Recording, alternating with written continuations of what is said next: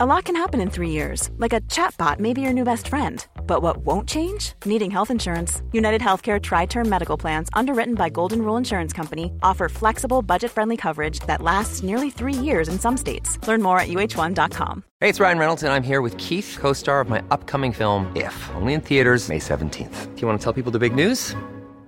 All right, I'll do it. Sign up now and you'll get unlimited for $15 a month in six months of Paramount Plus Essential Plan on us. Mintmobile.com slash switch. Upfront payment of $45 equivalent to $15 per month. Unlimited over 40 gigabytes per month. Face lower speeds. Videos at 480p. Active Mint customers by 531.24 get six months of Paramount Plus Essential Plan. Auto renews after six months. Offer ends May 31st, 2024. Separate Paramount Plus registration required. Terms and conditions apply if rated PG. Ready to pop the question? The jewelers at BlueNile.com have got sparkle down to a science with beautiful lab-grown diamonds worthy of your most brilliant moments. Their lab-grown diamonds are independently graded and guaranteed identical to natural diamonds, and they're ready to ship to your door. Go to BlueNile.com and use promo code LISTEN to get $50 off your purchase of $500 or more. That's code LISTEN at BlueNile.com for $50 off. BlueNile.com code LISTEN.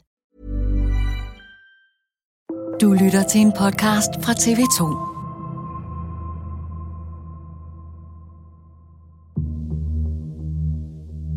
Der er igen uroligheder på Vestbreden, og Saif Dawis, han er med i de her uroligheder. Der bliver kastet sten mod de israelske soldater. Saif Dawis siger selv, at han er ikke med til det. Han gemmer sig lidt over i siden. Det ved vi selvfølgelig ikke, om er, er rigtigt. Og pludselig bliver der affyret et skud. Det rammer øh, Saif Dawis i benet, og han bliver båret øh, skrigende væk derfra. Vi ser også samme dag, at han bliver ført væk i en ambulance. Redselslagen. Øh, mens nogle ambulanceredder prøver at berolige ham. Han kommer så på hospitalet og bliver opereret, og heldigvis får han sin førlighed tilbage igen og øh, kan gå. Ikke derfra, men i løbet af nogle uger. Og så pludselig, den 26. juli om aftenen, der kommer de israelske soldater, altså næsten to måneder efter episoden, kommer op i Saif Dawis lejlighed og foretager en anholdelse af ham. Der er vel omkring 10-12 kampklædte israelske soldater, som fører den her lille 14-årige dreng væk derfra, og så ryger han i fængsel på ubestemt tid uden rettergang.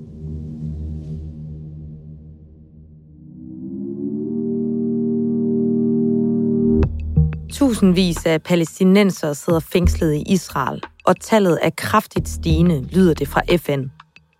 Mange af dem er tilbageholdt uden sigtelse eller en rettergang, og en del af dem er unge og børn. Blandt dem var 14-årige Saif Darwish, som TV2 har mødt i Bethlehem på Vestbreden.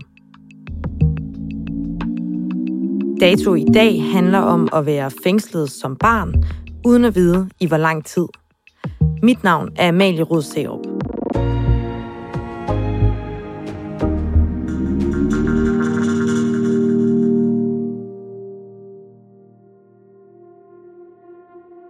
Rasmus, du er med fra Jerusalem, altså byen, der ligger lige klods op af Vestbreden, og hvor den østlige del af byen jo anses som palæstinensisk område af blandt andre FN. Hvordan mærker man, at de her israelske anholdelser af palæstinenser sidder løs for tiden? Det mærker man på frygten i befolkningen, ikke bare her i øh, Øst-Jerusalem, men også i øh, Bethlehem, hvor vi var forleden, hvor øh, jeg talte med nogle butiksejere, der udover at de er enormt kede af, at der slet ikke er nogen turister herop mod jul, også fortalte af, hvordan livet havde ændret sig i forhold til, når de skal bevæge sig rundt på Vestbreden. Fordi der er jo mange af de her anholdelser, der foregår, når folk bevæger sig fra A til B, hvilket er ekstremt kompliceret på Vestbreden på grund af de mange checkpoints.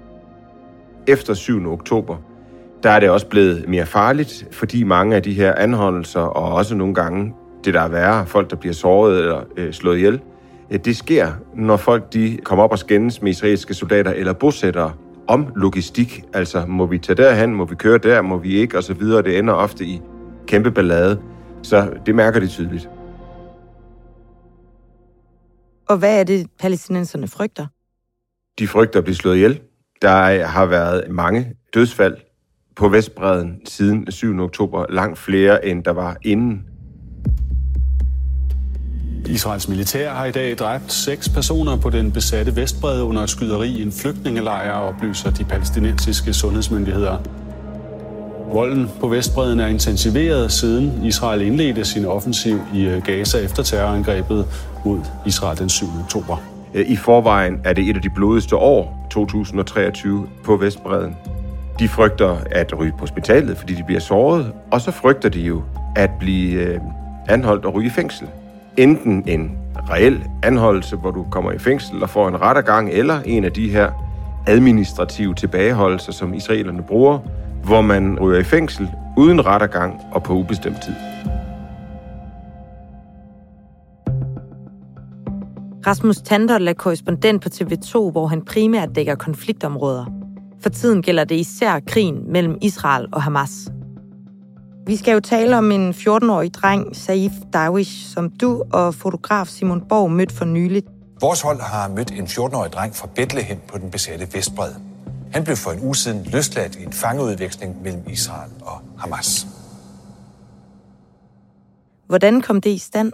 Jeg havde den idé, at jeg godt kunne tænke mig at lave noget øh, til TV2 omkring de her administrative tilbageholdelser, og i det hele taget den ændrede situation på Vestbreden. Og der bad jeg vores fixer, som vi arbejder med. En fixer, det er jo en person, som er lokal, og som hjælper os med at øh, skaffe de rigtige kontakter, der kender områderne. Og øh, han øh, bor jo i Bethlehem, bor på Vestbreden. Da jeg fortalte ham den her idé, øh, kom med det samme til at tænke på øh, Saif Dawis, øh, som han øh, mente kunne være en idé, øh, at vi skulle møde.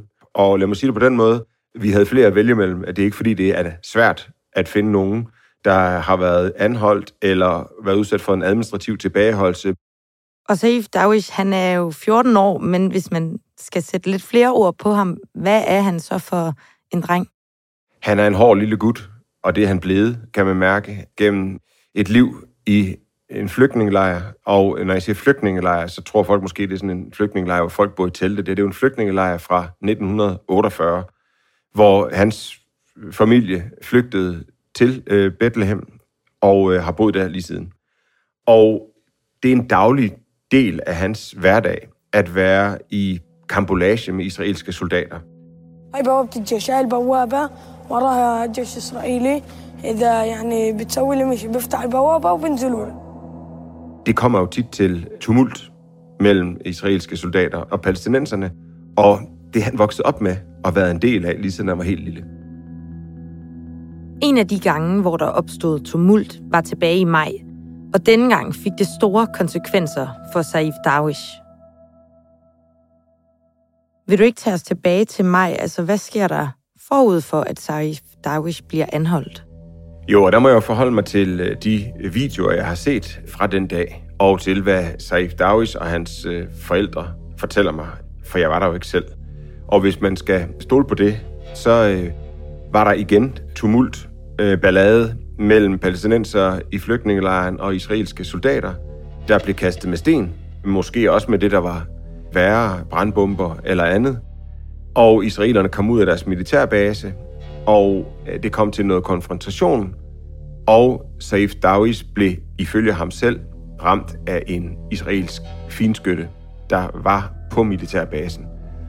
Og han kunne ikke selv forstå, hvorfor han blev ramt, fordi som han sagde til os, jamen jeg kastede ikke med nogen sten, det var dem ved siden af, der gjorde det. Det kan man sig selv vurdere, om man øh, 100% tror på, men ifølge ham var det det, der skete. Så gik der ikke lang tid efter, han var blevet skudt, så kom der en ambulance, og øh, vi har også set billeder ind fra ambulancen. Der kan vi se, at øh, han øh, er meget, meget bange. Billederne her er fra ambulancen en halv time senere. Og siger en hel masse meget hurtigt efter hinanden. Og der er en ambulanceredder, der prøver at berolige ham.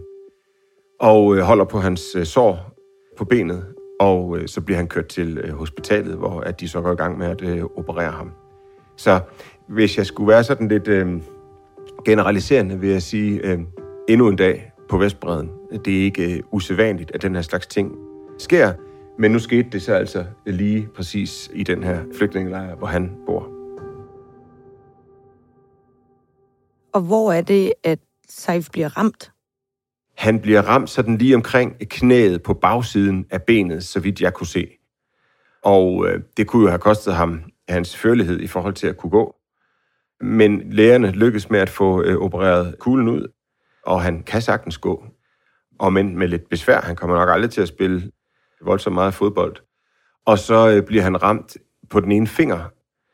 Og hvordan det hænger sammen, når man havde hånden lige foran knæet, eller hvordan det skal jeg ikke kunne sige, men vi kan i hvert fald se på hans finger, at, at det yderste led, øh, jeg mener det er pegefingeren, at det er forsvundet, det er væk i dag. Så på den måde øh, bliver han ramt, det var ikke livstruende, men øh, nok stadigvæk alligevel et stort chok for en dreng på 14 år.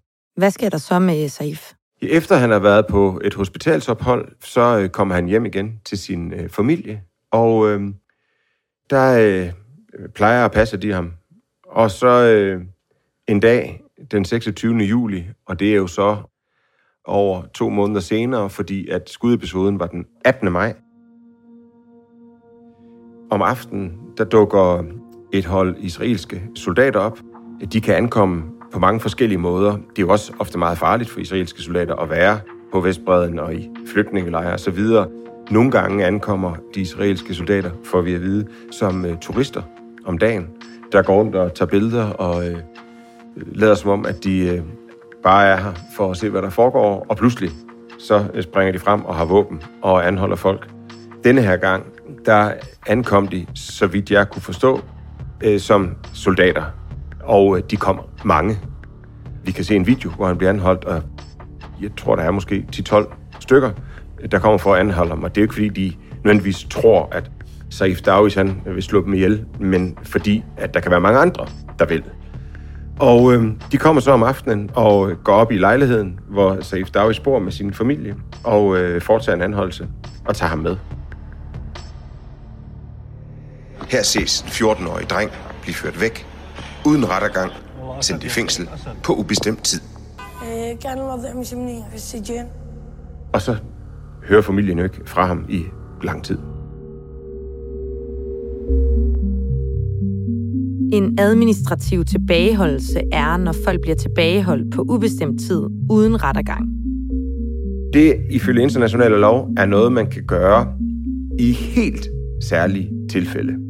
Og der er det, israelerne, de ligesom har implementeret den her form for anholdelse, efter at Israel blev stiftet i 1948, og sagt, jamen, vi er i en helt exceptionel situation. Vi er under konstant beskydning fra vores naboer.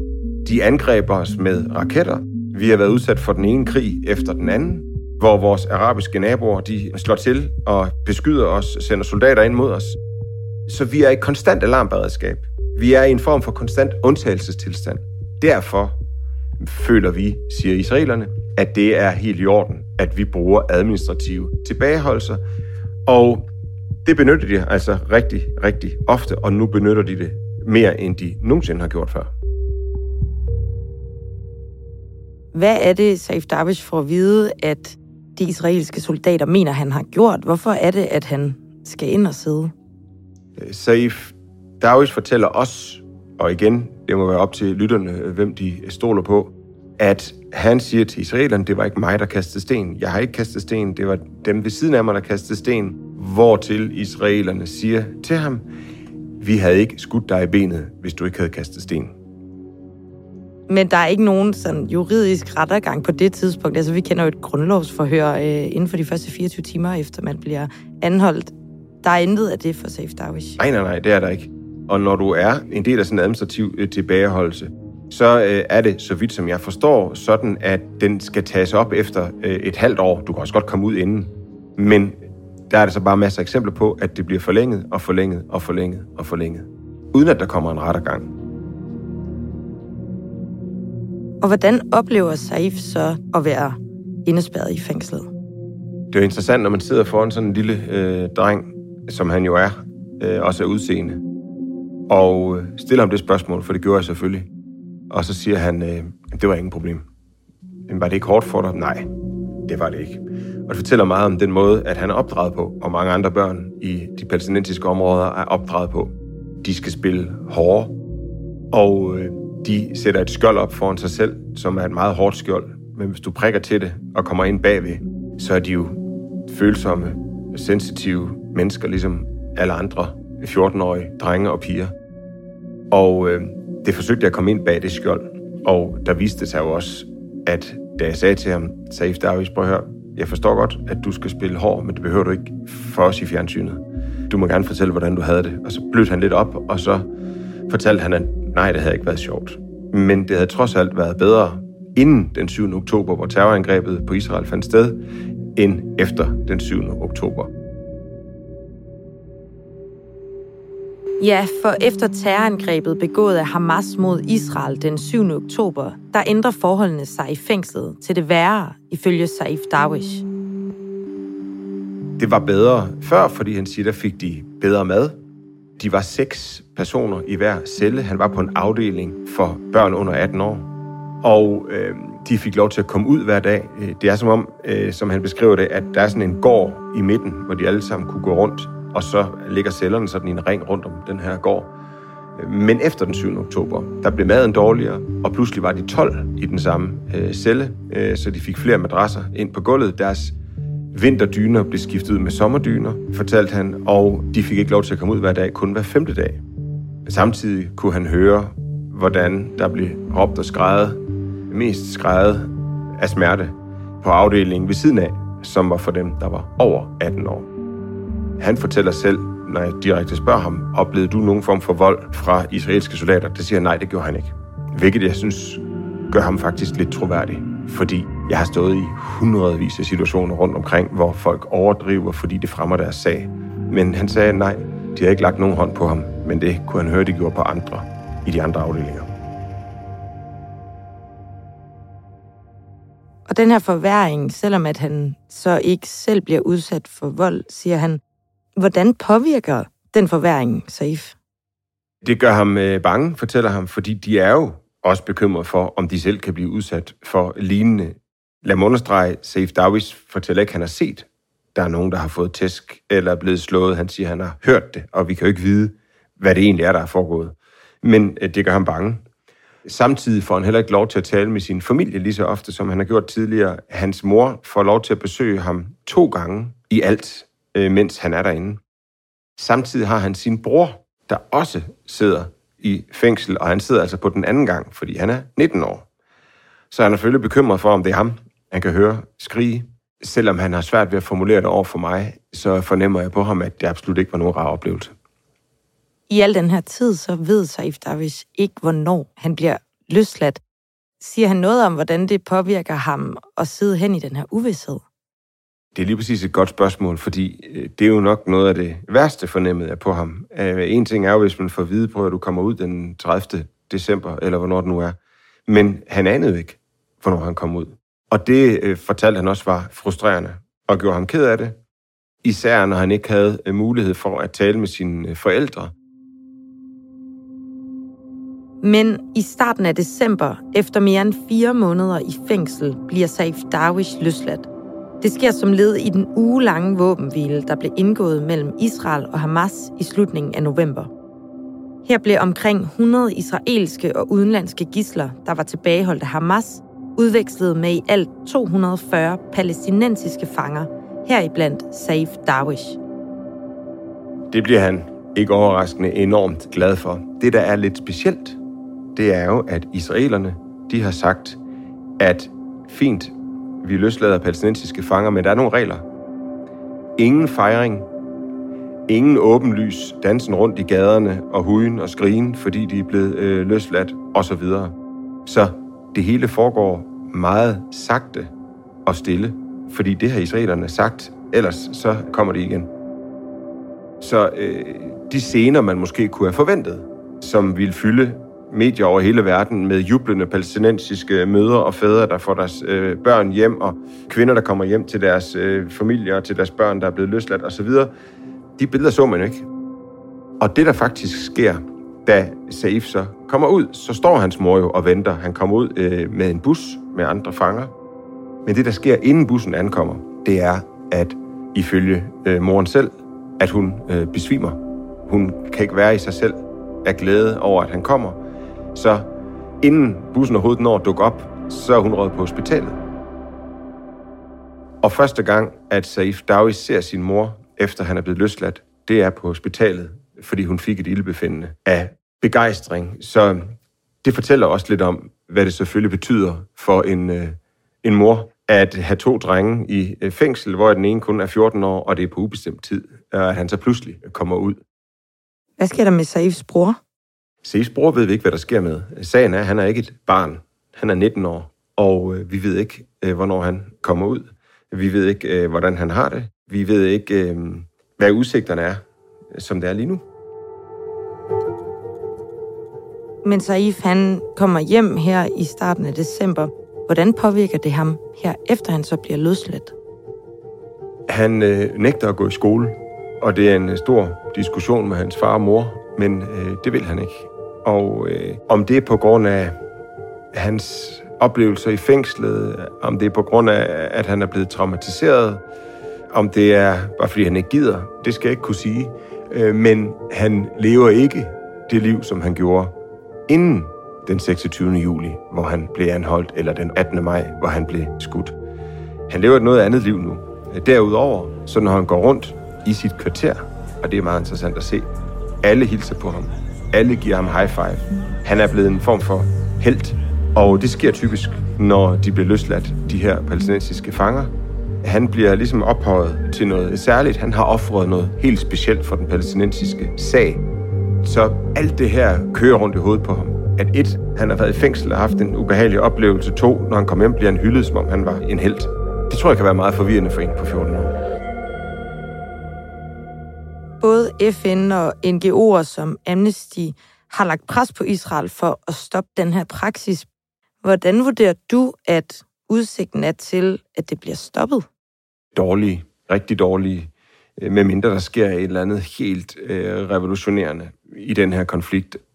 Det vil nogen argumentere for at sige, jamen, det er der faktisk også sket med terrorangrebet den 7. oktober. Måske kommer det til at ryste posen og kommer til at ændre øh, nogle ting på sigt, men ikke lige nu. Og israelerne vil altid sige, jamen, prøv at høre, hvis I løslader alle vores gisler, hvis I stopper med at angribe os nogen steder, så ændrer det her sig også langsomt. Det kan I bare lade være med. Palæstinenser vil så sige, okay, fint nok, men kan I så ikke lige fjerne de mange hundredtusinde ulovlige bosættere, der befinder sig på øh, Vestbredden, for det er dem, vi er sure på. Selvfølgelig kaster vi sten efter dem. Øh, de skal slet ikke være her, det er vores. Og sådan kan man blive ved. Det her det er en ekstremt svær konflikt øh, at løse, og Israel har før vist, at international pres ikke for alvor påvirker dem. De eneste, der kan påvirke dem i høj grad, det er jo, hvis amerikanerne siger, nu skal I høre, kære venner, nu stopper vi her. I får ikke mere støtte. I får ikke flere våben. Det er klart, det er noget, de vil kunne mærke. Og det er der heller ikke lige umiddelbart nogen udsigt øh, til kommer til at ske. Så jeg, jeg tænker ikke, at det her det er noget, der stopper forløbig. Så hvis Saif Darwish vil få lyst til at gå på gaden og lave en eller anden form for oprør mod israelske soldater, Tror du så, at han skulle være bange for igen at blive administrativt tilbageholdt? Ja, det skal han helt sikkert. Og jeg stod jo med ham, der hvor han blev skudt. Og han sagde hele tiden til mig, Rasmus, vi må ikke gå længere frem end her. Ikke længere frem end hertil. Fordi de sidder deroppe, og jeg har fået at vide, at jeg må ikke gå længere frem end hertil. Så hvis Israel har opnået noget, så er det, at de har skabt en ekstrem frygt i den her 14-årige dreng. Jeg er ikke sikker på, at han nogensinde kaster med sten igen. Spørgsmålet er, om prisen, som den dreng betaler, den ikke er ude af proportioner i forhold til, hvad Israel opnår ved, at en 14-årig dreng ikke længere kaster med sten mod en fuldt udrustet soldat. Tak for tiden, Rasmus Tandolt. Selv tak.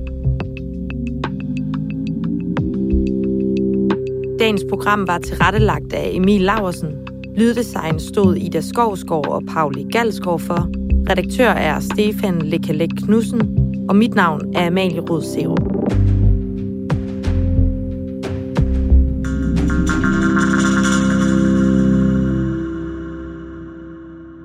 Du har lyttet til en podcast fra TV2.